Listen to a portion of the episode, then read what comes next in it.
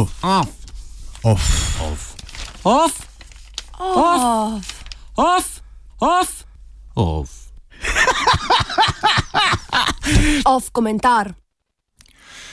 Zdrava Marija, reši nas pohlepa. Je mogoče živeti v tem svetu, ne da bi se zanimali za denar? Cerkve ni mogoče voditi le zdrava Marija mi.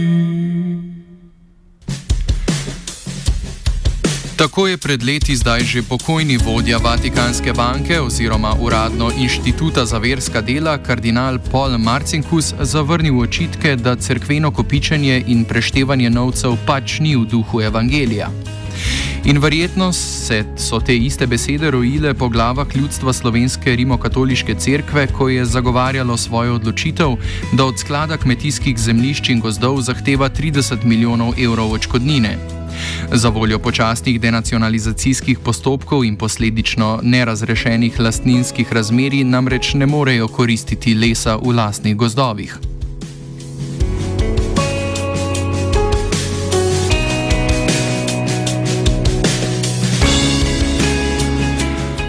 Nikakor ni absurdno, da je k zavlačevanju postopkov veliko pripomogla tudi crkva sama, saj je samo skrbela za svoj interes in za lasne finančne tokove.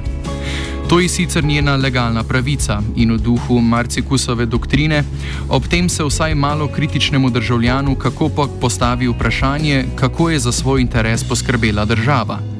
Zakaj kljub ne tako malo številnemu aparatu uslužbencev ni zmogla vsaj na svoji strani poskrbeti za čim bolj nemoten potek denacionalizacijskih postopkov? To bi že tako drago varčevanje nacionaliziranega premoženja vsaj malo pocenilo. Ampak pustimo to vprašanje za zdaj ob strani. Konec koncev je denacionalizacija ideološko vprašanje. Prav tako kot je bila eklatirana eklatantno ideološka tudi nacionalizacija. Ker živimo v kapitalistični družbeno-ekonomski ureditvi, ima zasebna lastnina status svetinje. Denacionalizacija pa v takšnem kontekstu figurira kot eden od korakov, ki so, za, ki so na sončni strani Alp po dobrih 40 letih komunajzerskega zaničevanja vsega zasebnega vnovič vzpostavili normalno stanje stvari.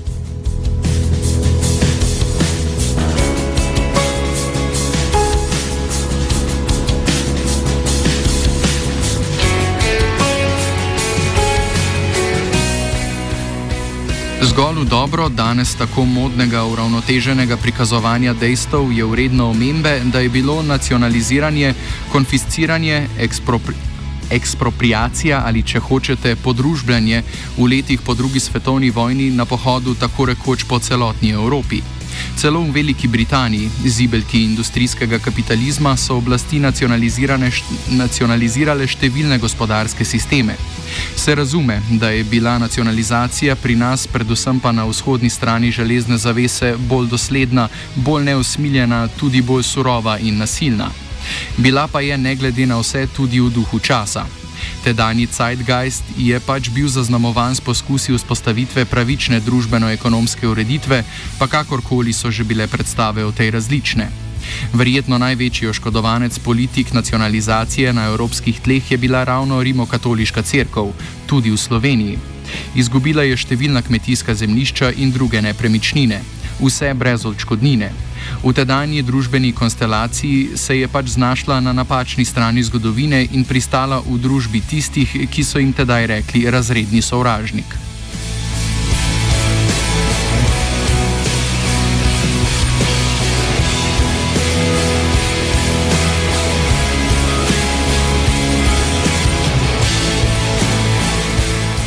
Kritično razmišljujoč državljan bo zdaj le znova nekoliko zategnil uzde in se vprašal: Čakaj mal, odkot pa vsej tej sveti instituciji toliko bogatstva?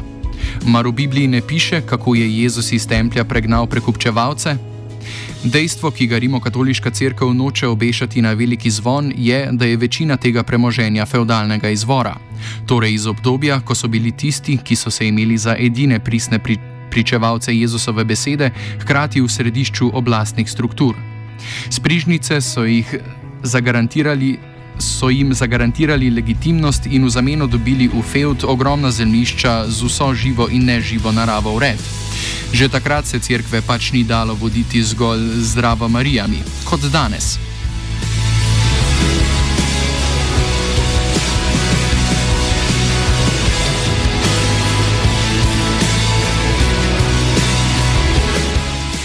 Rimokatoliška crkva se torej v okviru procesa denacionalizacije poteguje za prej podržavljeno imovino in se z zakonom o denacionalizaciji predvideni očkodnini za obdobje, ko ni mogla kot skrben gospodar uporabljati svoje lastnine, ne namerava odpovedati.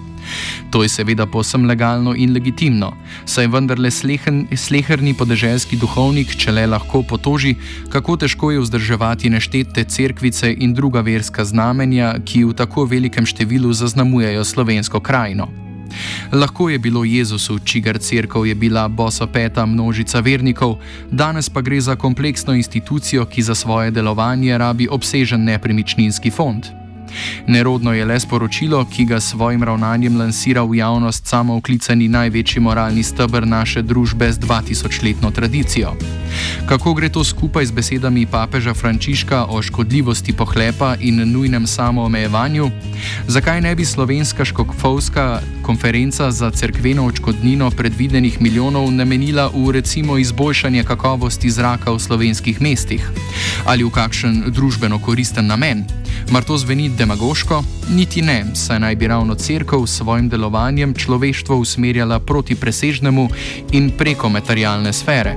To da le kako, če pa je tudi sama globoko ujeta v to paradigmo.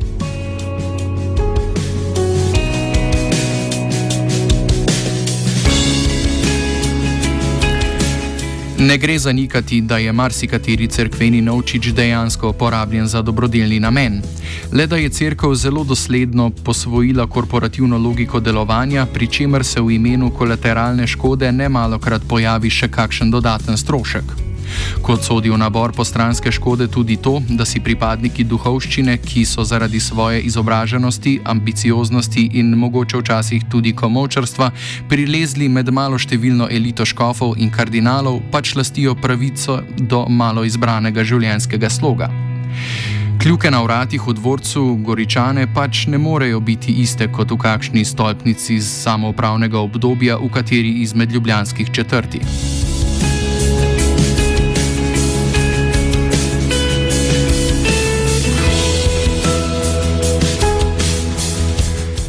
Ni enostavno obsojati, je pa verjetno pošteno s prstom pokazati na neskladje besed in dejanj. Če se rimokatoliška crkva percipira kot moralni kaži pot naše družbe, potem je od nje upravičeno pričakovati, da bo svojim delovanjem to tudi upravičila. Pa če tudi bo na ta račun opustila rabo katere svoje nepremičnine ali pa konec koncev zbližala stroške za reprezentanco kardinalskega zbora v Vatikanu. Mar to pomeni, da naj crkva živi samo od zdrava Marija? No, po, po pričevanjih z vidika zgodovinopisja voda tesnih je prvotna crkva živel, živela od darov svojih vernikov in od nobenih drugih verov. Pošteno, tudi za današnji čas. Zato pogumno naprej, pa če tudi z 2000 let starimi prijemi.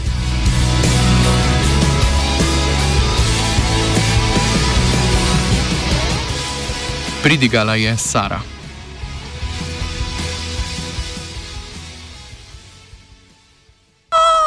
Off. Off. Off. Off. Off. Off. Off. Off. Off komentar. Jaz bom nehala kuhati, če boš ti vsak dan med kosilom radio poslušal.